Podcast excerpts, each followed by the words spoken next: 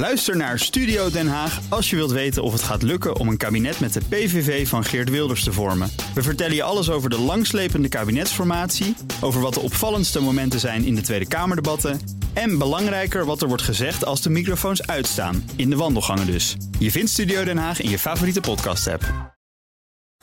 Altijd en overal op de hoogte blijven. Download de gratis BNR-app. BNR Nieuwsradio. BNR breekt.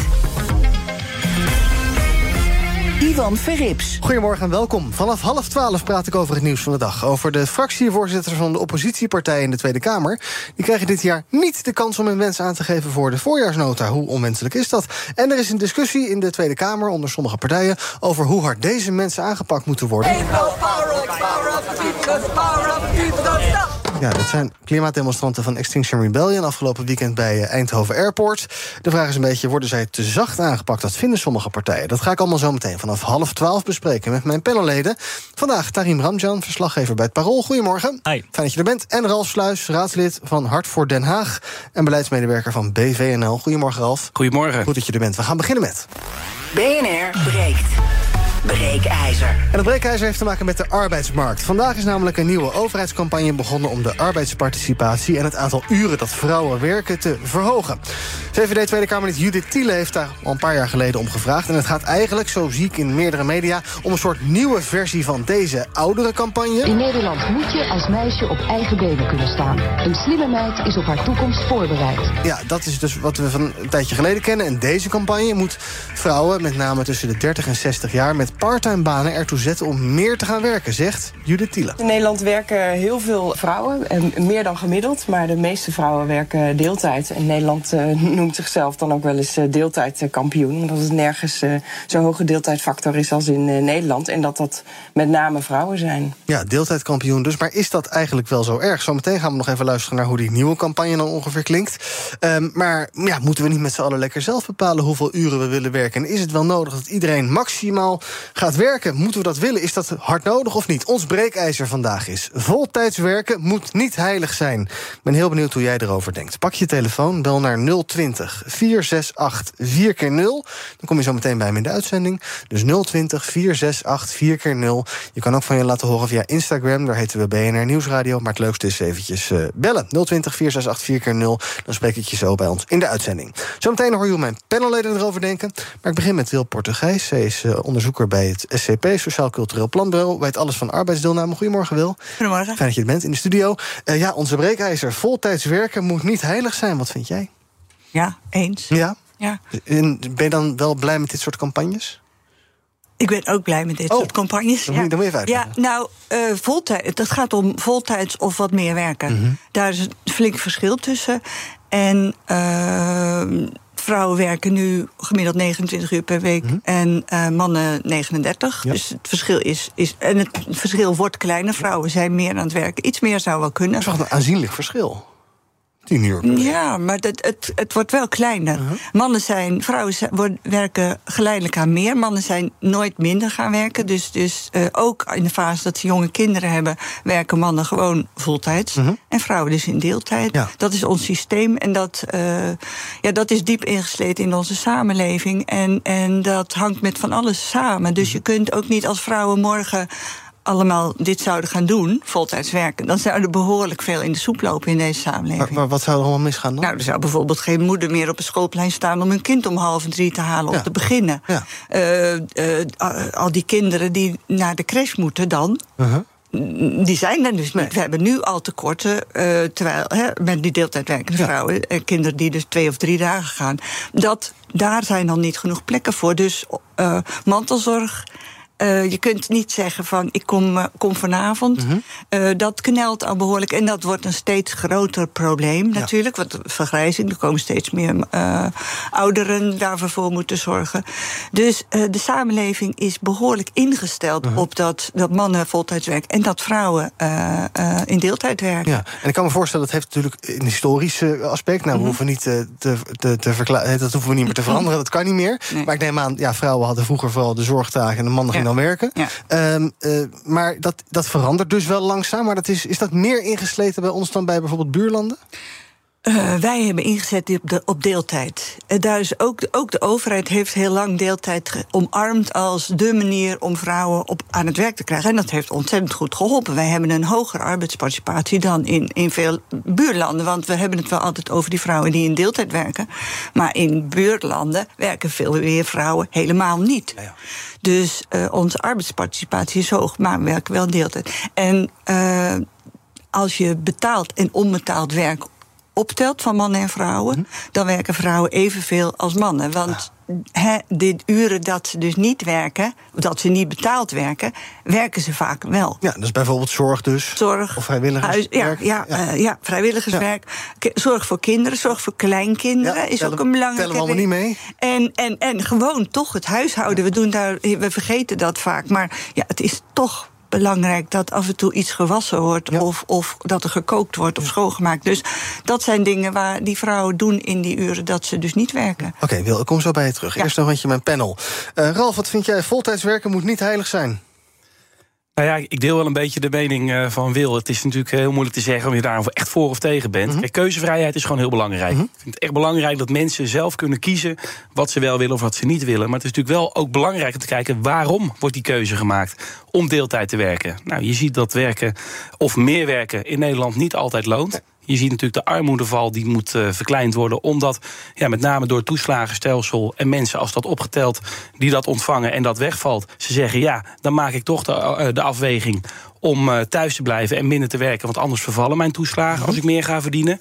Dus ja, hoe ga je ervoor zorgen dat werken meer loont? En dat met name meer werken ook meer loont. -hmm. Zodat mensen ook die vrije keuze kunnen maken om dat ook te gaan doen. Maar opleggen van bovenaf, uh, daar ben ik niet zo van. Nee. Dus het is wel keuzevrijheid. Maar werken moet dus meer lonen en dan moet misschien vermogen wat zwaarder belast worden. Nou, ik zou niet weten waarom vermogen meer belast moet worden. Op het moment dat je lekker gespaard hebt, dat je uh -huh. dan daar weer belasting over moet betalen. Dat zou een beetje gek zijn natuurlijk. Okay, maar werken moet wel meer lonen. Dat werken moet meer lonen. En ik denk als je de arbeidslasten voor de werkgevers ook verlaagt, dan kan de werkgever ook meer gaan betalen. Overuren misschien eens belastingvrij gaan maken. Wat meer prikkels gaan doen om lekker aan het werk te gaan. En dat ook echt bewust daarvoor te kiezen om dat te doen. Tarim, wat vind jij? Voltijds werken moet niet heilig zijn. Hangt er vanaf wie het vraagt. Ik ben zelf 24 en ik heb even rondgevraagd in mijn netwerk vanochtend. Uh, onder een hele representatieve groep van mijn Instagram-volgers. Ja. Doe ik niet met allemaal Het zijn altijd de beste peilingen. Uh, ja. Inderdaad. Maar daarvan zijn er heel veel tussen de 24 en 35. En wat ik merk is dat van hen heel veel zeggen van ja, als het financieel niet nodig is, mm-hmm. hoef ik helemaal niet fulltime te werken. Nee. Want ik vind de werk-privébalans prettig. Ik vind het fijn om bepaalde hobby's te kunnen ontplooien, om te sporten, om op een andere manier goed voor mezelf te zorgen. Uh, mensen zeggen, ja, die 10 uur per week meer of 8 uur per week meer gaat er niet voor zorgen dat ik opeens wel een huis kan kopen. Mm-hmm. Uh, dus ik denk dat uh, de wat jongere generaties daar toch anders naar kijken. Dat voor hen voltijd werken überhaupt niet heilig is. Ja. Dat gezegd hebbende, als we het hebben over het, in, in welke mate vrouwen deeltijd werken, dan denk ik dat 32 uur per week helemaal geen probleem is. Het gaat meer om die groep die bijvoorbeeld 27 uur of minder per week werkt. En ik geloof dat dat de helft is om en nabij. Kijk, daar kun je natuurlijk wel inzetten op... goh, hoe kun je ervoor zorgen dat uh, men toch meer gaat werken? Ja. Ik denk niet dat dat kan met een belerende campagne... van een slimme meid is voorbereid. Nee, dat is niet dat, deze tijdsgeest. Nee, nee okay. maar ook als ik kijk... bij mij in de collegezaal bij rechten... was ik soms de enige man op uh, 30, 40 man. Dus het heeft niet te maken met slimme meid of niet... maar uh, andere stappen natuurlijk. Ja. Wil, voordat we nog naar de bellers gaan... die 40 uur per week of 36 uur per week... waar komt dat eigenlijk vandaan dat we besloten hebben... dat dat een voltijdsweek is? Want je kan ook 48 uur per week werken of 60 of ja, 32, ja. Nou, nou, nou begeef ik me op glad ijs, ja. want dit, daar heb ik natuurlijk... Okay. Maar ja, ooit werkten we natuurlijk zoveel. Ja. En dat is langzamerhand uh, is dat wat minder geworden. En, en, en dat zit nu op 36 tot, tot 40 uur per week. Ja. Het is gewoon zo gegroeid dus eigenlijk. Ja. En die generatieverschillen, zien jullie dit ook bij het SCP? Dat jongere generaties wat minder ja, vanzelfsprekend is... dat je gewoon 40 uur per week gaat werken? Ja, dat... dat uh, weer glad ijs voor mij. Ja. Dat, dat zie je wel. Maar het is natuurlijk de vraag wat ze. Wat ze dat, vinden, dat zeggen ze nu. Maar het is de vraag of, of, ze, dat, dat uh, of ze dat ook zeggen als ze 40 zijn. Lilian, maar, maar, oh, sorry. Ja? sorry. Wat, wat ik wel zie, is dat mensen het gewoon heel erg waarderen. Ja. De vrouwen die wij uh, interviewen, over, uh, die in deeltijd werken. Maar één op de tien zegt: ik, ik had liever voltijds gewerkt. De, de rest. Dus het heeft ook te maken mm-hmm. met. En niet alleen met wat jij zegt. Transfer, financiële afwegingen en dat het te weinig loont. Maar ook te maken met kwaliteit van leven. Ja.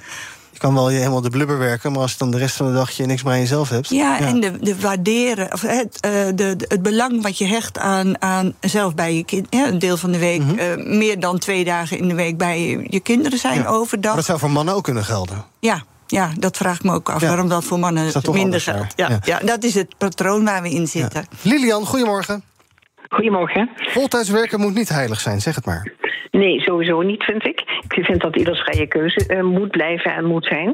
Maar wat ik zelf eigenlijk een heel uh, uh, ja, scherp, scherp randje aan het geheel vind, is dat daarmee eigenlijk onderschat wordt hoeveel vrouwen er eigenlijk mantelzorgend zijn. Mm -hmm. En dan denk ik met het oog op de toekomst dat mm -hmm. je steeds minder vrouwen gaat krijgen die kunnen mantelzorgen. Ja. Uw collega zei net al even, dan kun je ook ervan uitgaan dat er misschien meer vrouwen in de zorg gaan werken. Dat is A, de vraag of mensen dat willen. B, de, de gezondheidszorg is gewoon één uh, defecte pot. Daar uh, komt in de toekomst natuurlijk op korte termijn geen verandering in. Mm. Dus ik denk dat ook heel veel van die mantelvrouwen, als jij een gezin hebt en je hebt ook nog kinderen en je hebt een baan, uh, een volle baan, dan kun je nauwelijks die mantelzorg nog verlenen. Ja. Dus dat stuk hol je gewoon op die manier helemaal uit. En ja. ik denk, ik ben zelf 75, ik werk nog altijd 50 procent en ik heb mijn hele leven gewerkt. Nooit één jaar niet. Dus ik, ik, ik werk graag, ik vind het fijn en ik heb het goed kunnen combineren. Maar ik ben wel heel blij dat ik nog gezond ben en dat ik mijn kinderen niet hoef te vragen om mij te komen helpen. Ja. Want waar moesten zij de tijd vandaan halen? Ja, Lilian, zouden we, zouden we dat mantelzorg misschien beter zichtbaar moeten maken ook? Want nu is het een beetje verstopt, hè? Mensen praten er ook niet graag over. Ja. Nou, als je het meer zou waarderen, dan zou het misschien al helpen met ook ja, hoe we dit soort campagnes aanvliegen. Ja, denk ik. En ook als het meer benoemd zal worden, als het duidelijker zal worden. Het wordt altijd zo vanzelfsprekend erbij gedaan. Maar het vult een, een groot deel van de tijd van vrouwen in. En ik zou zelf denken, ga zeker werken, want het verrijkt je enorm als je werkt. Maar uh, laat ook als mensen daar uh, genoegen in vinden en het fijn vinden, veel mensen de tijd hebben om te mantelzorgen. Want zij zorgen gewoon ook voor een stukje levensgeluk van mensen die anders misschien zaten te pieteren tekort zouden komen, de hele dag op hulp zitten te wachten, omdat er maar één persoon voor zoveel mensen is. En dat zijn ook vaak dierbaren. Dankjewel voor het bellen, Lilian. Steven, goedemorgen. Goedemorgen. Zeg het maar. Ik vind dat mensen gewoon moeten werken als wat, wat waar ze zich gelukkig bij voelen. Mm -hmm. Dus of dat nou 20 uur is, of, of 26 of 36, maakt niet uit. Nee, precies. Hoeveel uur werk je zelf per week ongeveer? 100, denk ik. 100? Ik, maar ik vind het wel leuk. Ja, wat doe je dan? Ik ben eigenlijk altijd bezig. Ja, oké. Okay, waarmee? Ja, nou, ik doe, ik, ik doe gewoon wat ik leuk vind. Ja, en, en dan voelt en het ook niet te ga ik in de tuin werken en de andere keer dan ben ik uh, met mijn werk bezig. Ja, ja, precies. Je telt alles mee. Dan kom je best wel op een heel aantal uren. Dankjewel voor het bellen, Steven. Tot slot van dit blokje even Rinus. Goedemorgen, Rinus. Goedemorgen. Zeg het maar, voltijds werken moet niet heilig zijn. Nee, absoluut niet. Ik denk dat iedereen het voor zichzelf moet bepalen. Mm -hmm. Of het nou man of vrouw is. Ik denk dat je en plezier in je werk en nog vrije tijd over moet houden. Ja, en je voelt niet de druk van uh, we moeten presteren, je moet 40 uur en uh, hoger op. En als je een leidinggevende functie wilt, dan moet je natuurlijk ook uh, een beetje doorpakken. Dat, dat, die druk die voel je allemaal niet? Nee, ik denk als je dat, uh, dat dat allemaal wel iets in mouw aan te passen is. En als je per se wat minder wil werken en je kunt daar geen leidinggevende functie voor krijgen, nou ja, dan kun je daar zelf voor kiezen. Ja, dankjewel voor het bellen, Rinus. BNR breekt. Ivan Verrips. Met in mijn panel vandaag Ralf Sluis. Hij is raadslid voor Hart voor Den Haag. Werkt als beleidsmedewerker voor BVNL. Tarim Ramjan, verslaggever bij het Parool. Ook bij me is Wil Portugijs van het Sociaal Cultureel Planbureau. We praten over ons breekijzer. Voltijds werken moet niet heilig zijn. Ik ben heel benieuwd hoe jij erover denkt. 020 468 4 keer 0 is ons telefoonnummer. Nou, laten we even kijken hoe die uh, nieuwe campagne dan klinkt. Er zijn allerlei filmpjes gemaakt met uh, vrouwen dus... die vertellen over dat ze meer zijn gaan werken. Bijvoorbeeld dit is Rosita. Ik uh, werkte vorig jaar 16 uur. Toen heb ik in een, uh, een jaargesprek met mijn leidinggevende heeft gevraagd of ik meer wilde werken, of ik daarvoor open stond. Ik ben daarover na gaan denken en dat is vier uur per week is dat geworden. Nou, dat bevalt eigenlijk hartstikke goed. Ik heb kinderen die 13 en 11 jaar oud zijn, dus ik word steeds iets minder nodig thuis. De voordelen voor mij zijn dat ik financieel onafhankelijk ben. En ik vind het hartstikke fijn om met mijn collega's te zijn. Mijn man vond het helemaal prima toen ik uh, uh, besloot om meer te gaan werken. Ja, een beetje een ongezellig muziekje eronder, maar dat er zijn. Nou, nou. Wil, ja, toch? Ja. Een beetje een uitvaartmuziekje. Ik wou het net zeggen. Werken dit soort campagnes? Uh, het is goed dat op een of andere manier die arbeidsduur steeds uh, op tafel blijft liggen. Onderwerp van gesprek is. Want wat we wel zien is dat eens deeltijd is altijd deeltijd. Mm -hmm. En wat we vroeger in, in, in onderzoek heel veel zagen, dat, dat met partner, uh, met de werkgever dat die allemaal in de ogen van de vrouwen zeggen: van ja, die vinden het allemaal prima. We hebben het er nooit over. Vinden, die bemoeien zich er niet mee. Ik moet inderdaad zelf weten wat ik prettig vind.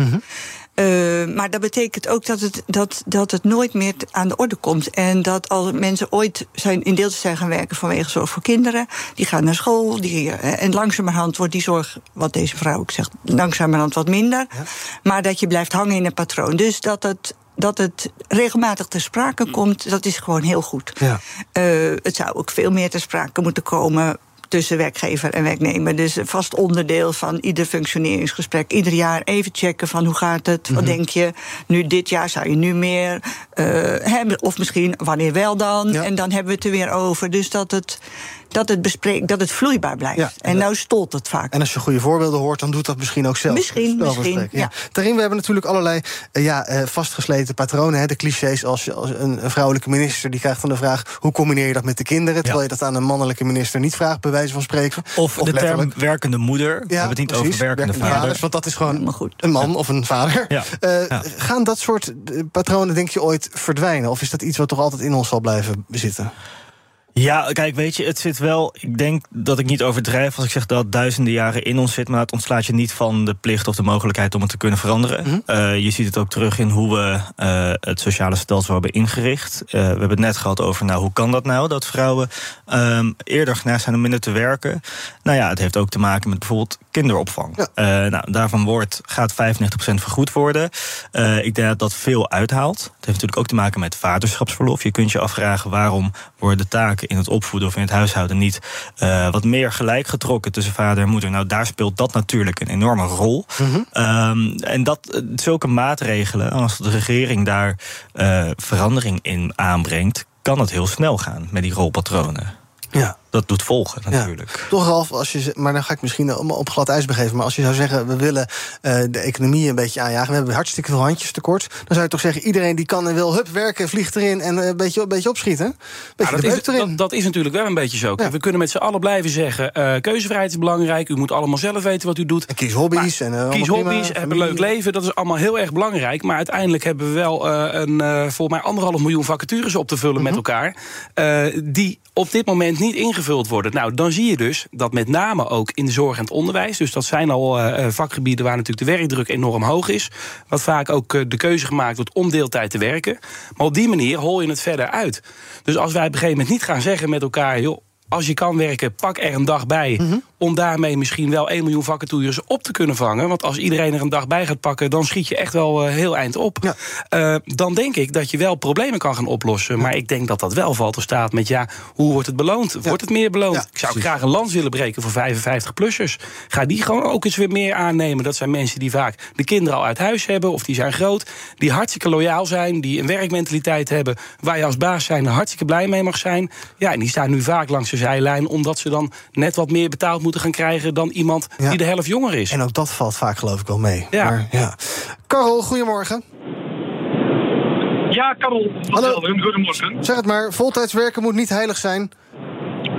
Nou, ik ben het met die stelling deels eens, maar ja. ik vind wel dat er twee overwegingen meegenomen moeten worden. Op de eerste plaats zijn er veel jonge dames die uiteindelijk een universitaire studie gaan volgen en daarmee een behoorlijke belasting zijn voor ons onderwijssysteem en uiteindelijk na een aantal jaren staken omdat ze uh, kinderen krijgen, willen krijgen.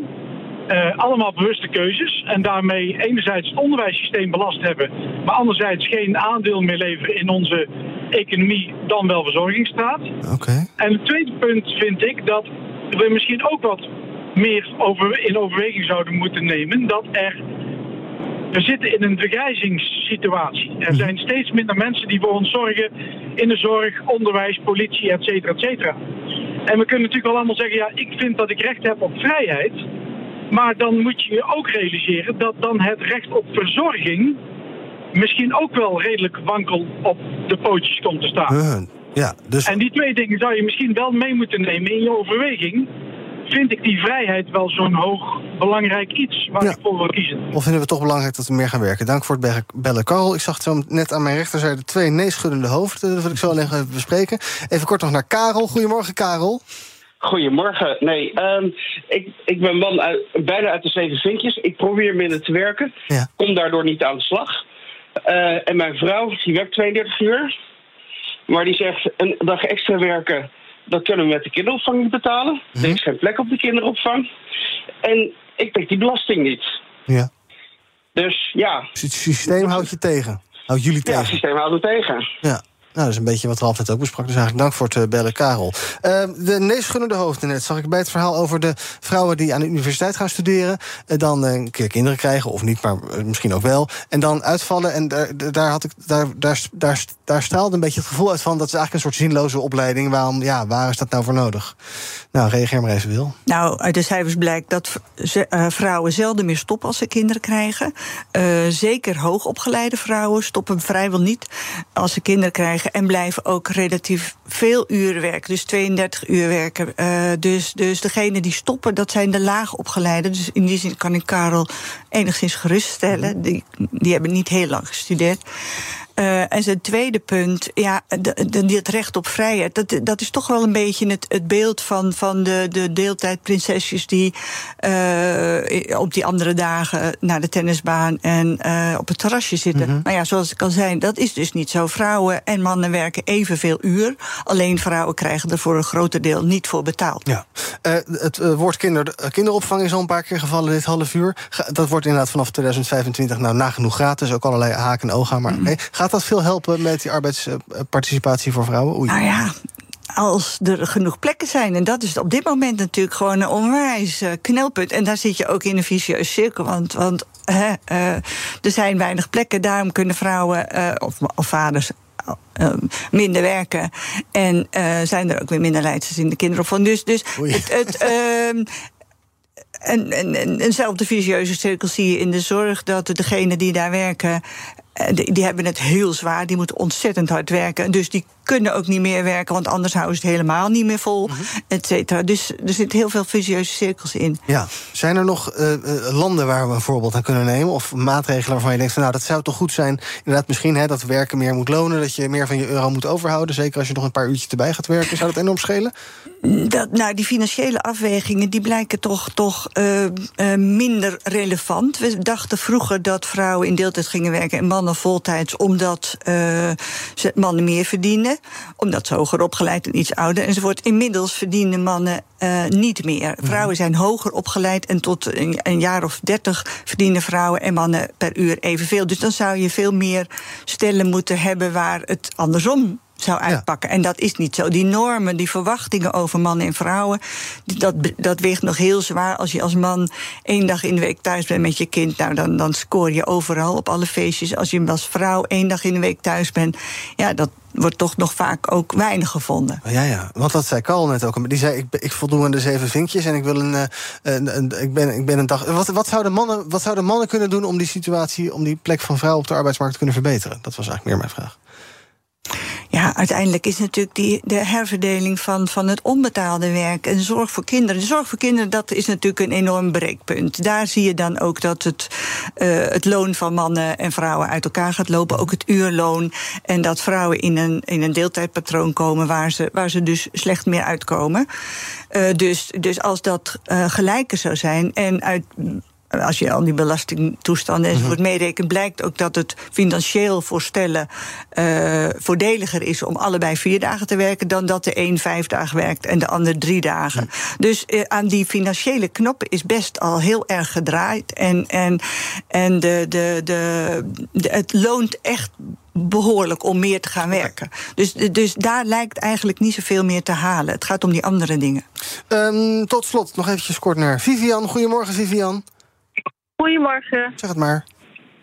Ja, ik eh, ben het eens met de stelling. Ehm, kijk, eh, ik ben. eh, in mijn werk zie ik heel veel mensen die rem hebben om meer te gaan werken. Waarom? Omdat zij toeslagen ontvangen die ze direct moeten terugbetalen. het moment dat zij meer gaan werken. En eh, de toeslagen worden jaarlijks verrekend. En omdat het niet, als het maandelijks zou zijn, zouden ze misschien nog kunnen overwegen om enkele, enkele maanden per jaar wat meer te gaan werken. Maar als je, als je al eh, eh, niet eens je toeslagen verliest, maar ook nog terug moet betalen, dan ga je natuurlijk geen stap harder lopen. Ja, duidelijk. Nee, er wordt inderdaad wel. daarnaast- Ja?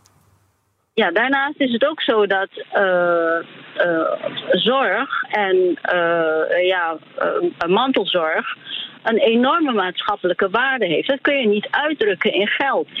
het, het, ja, dat je bijvoorbeeld een werkster in huis hebt, is iets heel wat anders als je moeder mm -hmm. voor je zorgt. Ja. Dat, dat, dat, kun je niet tegen elkaar opwegen. Nee. Duidelijk, dankjewel voor het bellen. En tot slot kritiek op mij. Marcus, goedemorgen. Marcus? Ja, goedemorgen. Hallo, zeg het maar. Ik, ik wilde één ding opmerken erover. Ja? Ja, iedereen mag niet vrij wezen hoeveel hij wil werken. Maar als je nou meer mensen aan het werk wil hebben... Ja. ga die mensen dan geen handjes noemen. Ja. De hele tijd die uitdrukking handjes, Mhm. dat, is, dat is denigrerend en beledigend. Als ik nou in het ziekenhuis gewerkt zou hebben en ik zou met de pletter gewerkt hebben bij de COVID, en zeggen: ja, we moeten meer handjes hebben. Mensen werken niet met hun handen, mensen werken met hun hoofd. Ja, nee, je hebt En gelijk. dat wordt ten uitvoer gebracht met hun handen soms. En mensen aan de bestuurstafel, daar hebben we het ook niet over handjes op eh, toetsenborden. Dus je hebt helemaal gelijk. Dankjewel voor het bellen en voor het uh, terechtwijzen. En ook dank voor de mensen die op Instagram hebben gereageerd. Voltijds werken moet niet heilig zijn. 75% is het daarmee eens op onze Instagram-pagina. Daar kan je nog de hele dag van je laten horen.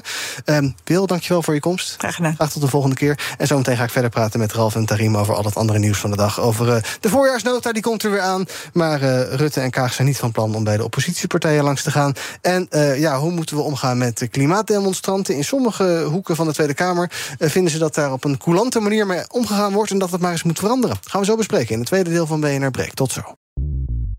Bij BNR ben je altijd als eerste op de hoogte van het laatste nieuws. Luister dagelijks live via internet. Bas van Werven. En heel langzaam komt de zon op rond dit tijdstip. Je krijgt inzicht in de dag die komt op BNR, het Binnenhof in Nederland en de rest van de wereld. De Ochtendspits. Voor de beste start van je werkdag. Blijf scherp en mis niets. Blijf scherp. BNR Nieuwsradio. BNR breekt. Ivan Verrips. Welkom terug in mijn panel vandaag. Ralf Sluis, raadslid voor Hart voor Den Haag... en beleidsmedewerker van BVNL. En Tarim Ramjan, verslaggever bij het Parool. En we gaan praten over het nieuws van de dag.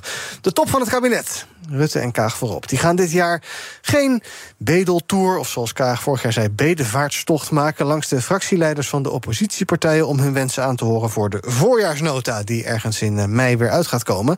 Vorig jaar deden ze dat dus wel. 16 oppositiepartijen gingen ze toen langs... waarbij ja, ook wel wat opmerkelijke... altijd waren er dan toevallig camera's in beeld. -hmm. uh, en daarbij vooral bezoek aan uh, Baudet wat uh, opzien baarde.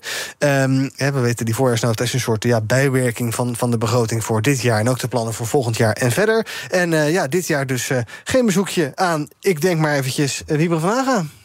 Ja, dat klopt. Vorig, vorig jaar, jaar, nog wel. Vorig jaar was het één grote kermis uh, op de gang. Ja. En uh, inderdaad, heel veel camera's eromheen. Want die, uh, die mogen gewoon gelukkig rondlopen in alle gangen. Die worden en... ook wel uitgenodigd, toch? Want het is toch leuk als je Rut op bezoek krijgt? Nou, ze worden uitgenodigd, maar het wordt ook gedeeld waar ze zijn. Dus ja. de camera's die weten de plekken altijd goed te vinden. Ja. En dat is, dat is ook leuk. En ik vond het juist een hartstikke leuke nieuwe toevoeging, eerlijk gezegd. Het was onderdeel van de nieuwe bestuurscultuur. Maar dat hebben ze dus precies één keer volgehouden. nu zeggen ze, we gaan het zelf wel regelen... wat er in die voorjaarsnota moet komen te staan. Ja, we gaan weer lekker op de oude voet verder. We gaan het er in de achterkamertjes met elkaar regelen. En uh, al die oppositiepartijtjes die laten we gewoon links liggen. En daar doen we niks meer mee. Hmm. Ik vind het jammer, want het was vorig jaar juist een uh, uitgestoken hand... die volgens mij na alles wat er gebeurd was uh, zeer welkom was. Ja, had je ook nog daadwerkelijk iets aan gehad? Of is het meer een soort show ook ter meerdere eer en glorie? Want kijk eens hoe lekker Rutte en Kaag overal ideeën aan het ophalen zijn.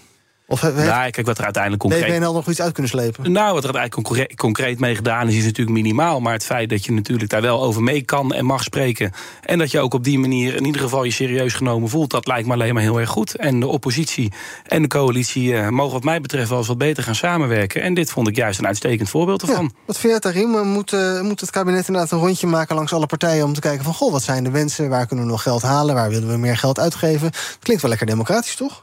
Nou ja, wat Ralf zegt, een nieuwe bestuurscultuur dat is natuurlijk een toverwoord geweest vorig jaar. Je hoort er tegenwoordig amper meer iemand over in Den Haag. En dit kun je denk ik ook wel als voorbeeld daarvan zien. Dat wordt dan bedacht en leuk en prima. Uh, en uh, op een gegeven moment denkt men, nou eigenlijk toch niet zo handig. En dat de hele Tour d'amour moet worden, maar het werd een deceptie. Nou ja, oké, okay, dan maar ja. niet. Tegelijkertijd, democratisch gezien kun je dit prima verantwoorden. Die regering zit er niet zomaar natuurlijk. En uh, de nieuwe bestuurscultuur gaat om, gaat om veel meer dan alleen dit. als je het hebt over, nou ja, hoe stelt de overheid zich op tegenover de burger? Nou, we hebben natuurlijk eh, twee weken geleden gezien hoe de burger daarover denkt, kun je ook beter daarin investeren, denk ik. Dus Ja. eh, als, als die aandacht dan ergens anders uitgaat, prima.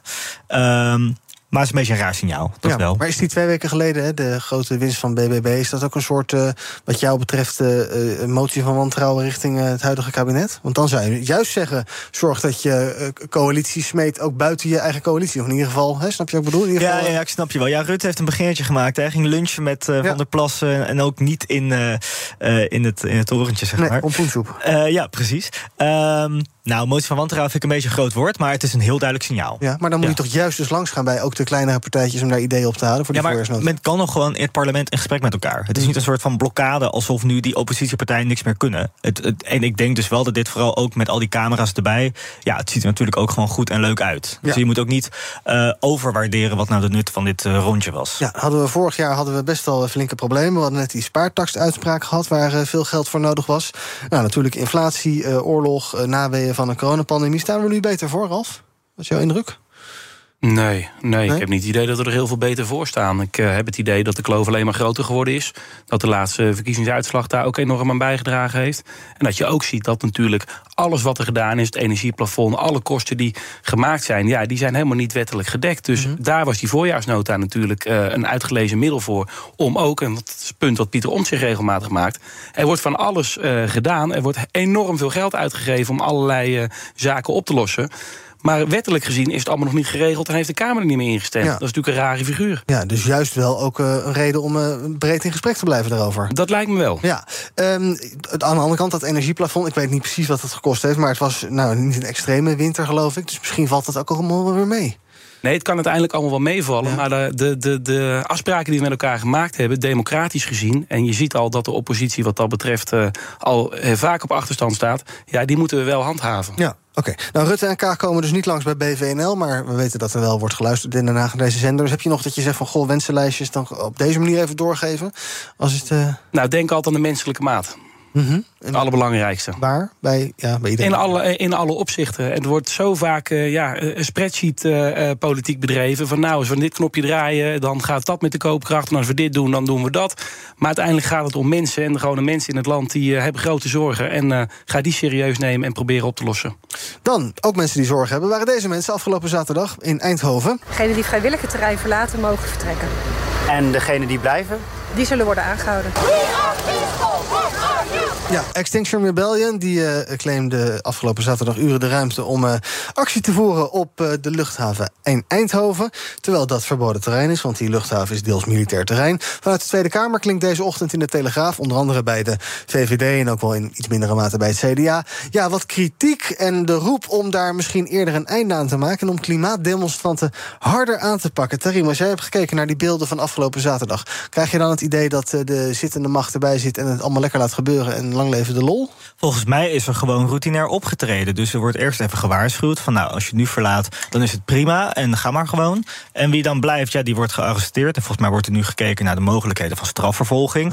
Dus volgens mij is er helemaal niet slap opgetreden. En ik heb ook het idee, kijk, klimaatdemonstranten streng aanpakken. We hebben natuurlijk die twee maanden cel waarvan één voorwaardelijk geloof ik gezien voor het eh, beschadigen van een kunstwerk. Dus dat er eh, slap opgetreden wordt in algemene zin bij klimaatdemonstranten. Volgens mij valt dat hartstikke mee. Ja, eh, in de kop van het Telegraafartikel staat ook de quote... geldt de wet soms niet als je voor de aarde strijdt? Zit er denk je ter rechterzijde in het politieke spectrum... wat, eh, ja, wat, wat, wat irritatie omdat deze mensen voor een eh, groene planeet stemmen? Nou ja, ik zou dan hem terugkaatsen met geldt de wet niet als je met een trekker op de snelweg staat. Uh-huh. Nou, ja, zeg het maar.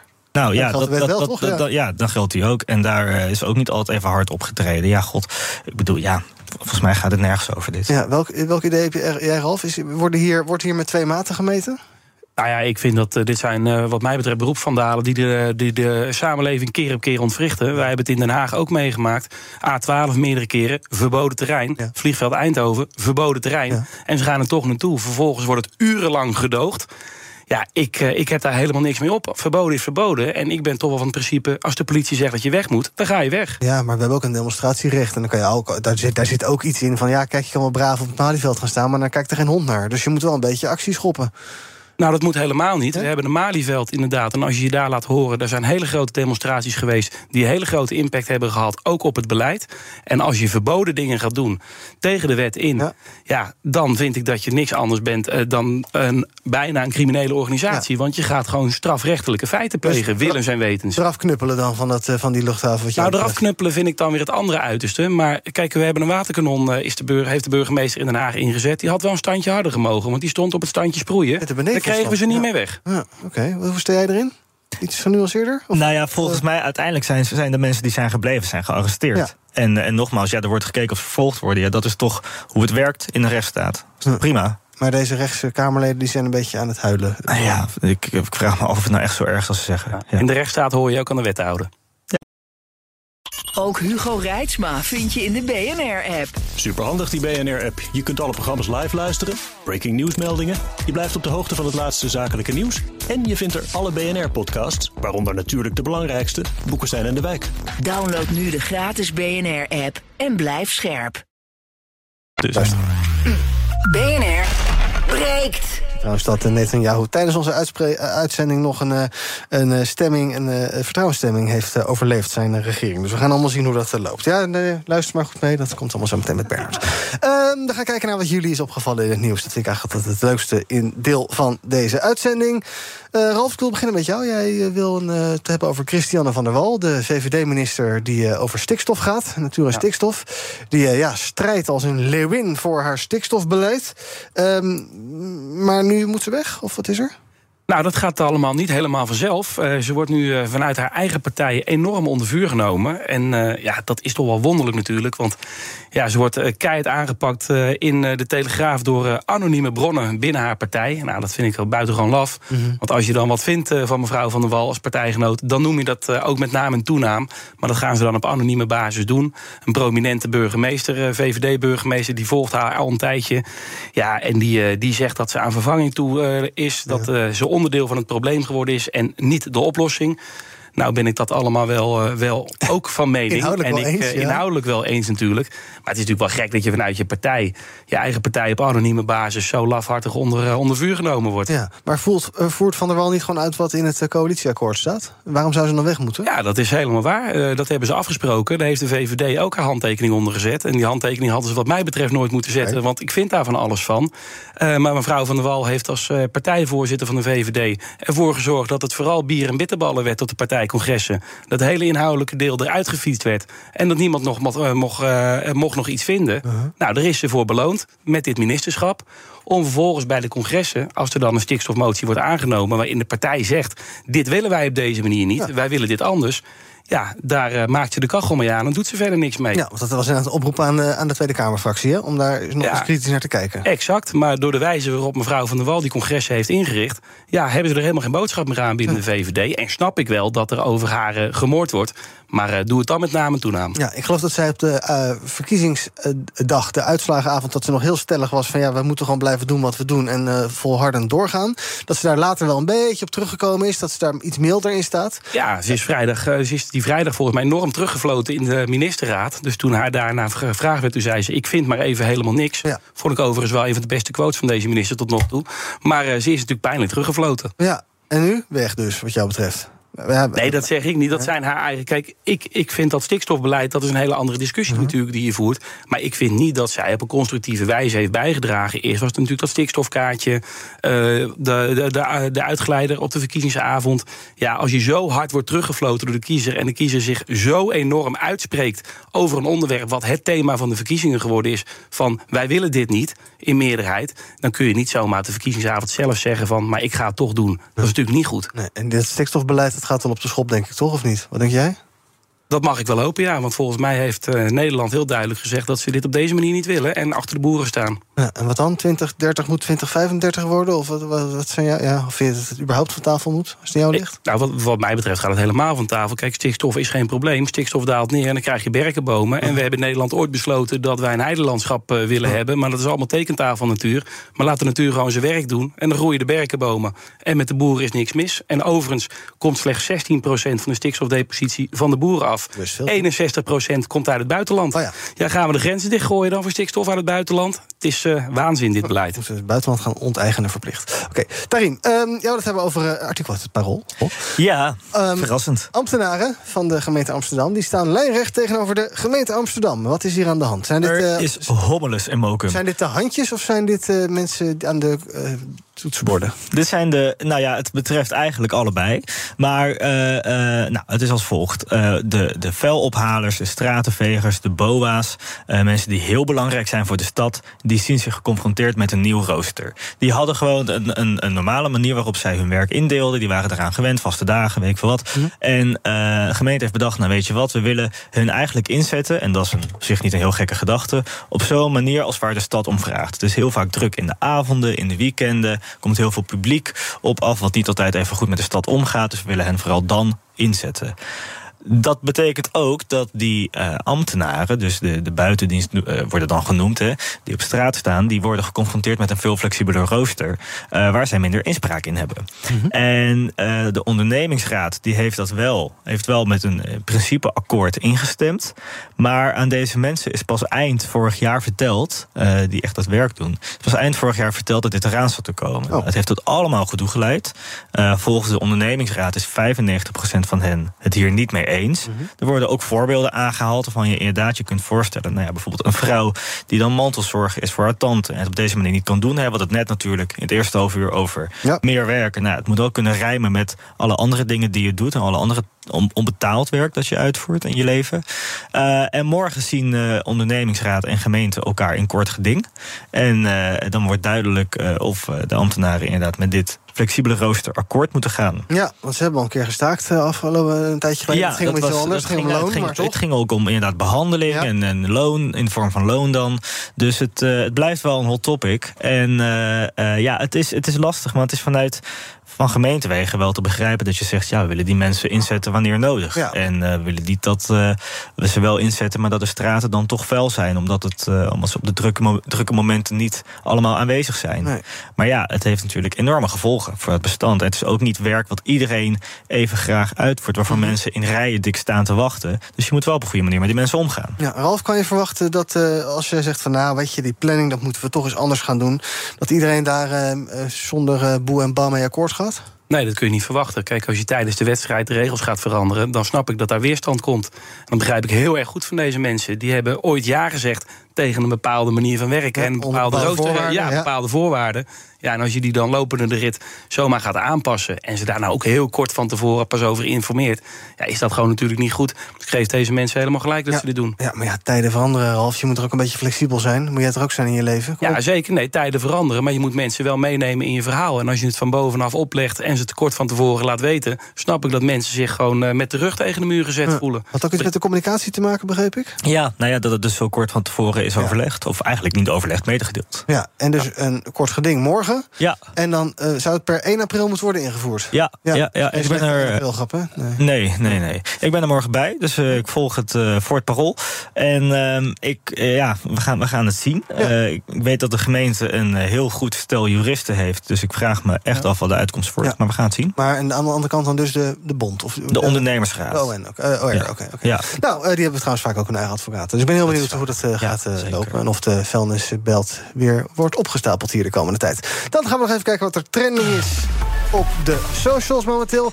Elon Musk is trending, want de ja, sterbaas van onder andere Tesla en SpaceX... die uh, lijkt uh, tanende. Musk gaf in een mail aan aan zijn personeel aan Twitter... dat sinds zijn komst, sinds hij Twitter heeft overgenomen... het bedrijf 24 miljard minder waard is geworden, volgens Musk zelf. Opvallende hashtag zagen we trending, hashtag buitenlands accentsyndroom. Door een trauma of hersenbeschadiging kan je uitspraak dusdanig veranderen... dat je een, nou ja, zoals het lijkt, buitenlands accent overneemt. En dat kan uh, nogal opvallend klinken. Sarah Colwell from Plymouth in England is a dead set Pom who now sounds like she's from Shanghai. It wasn't until I was in the ambulance on the way to the hospital she actually said, Are you aware of the way you're speaking? And I said, Oh, I sound like a slur. And she said, No, you sound like you can work at a Chinese restaurant. Ja, of vullen wij dat uh, in zoals we het horen denken dat het klinkt? Nou, oké. Okay. En tot slot trending hashtag blikjesbelasting. Vanaf uh, vandaag zit er 15 cent statiegeld op blikjes. En dan kan je dus binnenkort gaan inleveren. Nadat we eerst de grote flessen hadden, toen de wat kleinere flesjes, nu dus ook blikjes.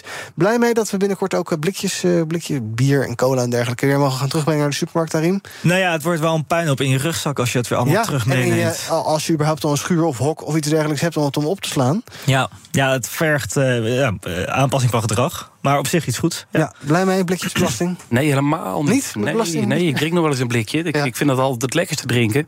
Dus dan gaan er bij mij nog best wel eens wel door op een Ja. dag. Dat ik dat allemaal moet gaan verzamelen. Ik, eh, ik kijk er nog niet heel erg naar uit, eerlijk gezegd. En wat er nu, nu mee fijn knijpen en dan wegsmijten? Of, Ja, eigenlijk wel, ja. ja. Maar dan kan je ze dus in een hokje zetten en dan krijg je nog 15 cent terug. Moet je wel een hokje hebben. Ja.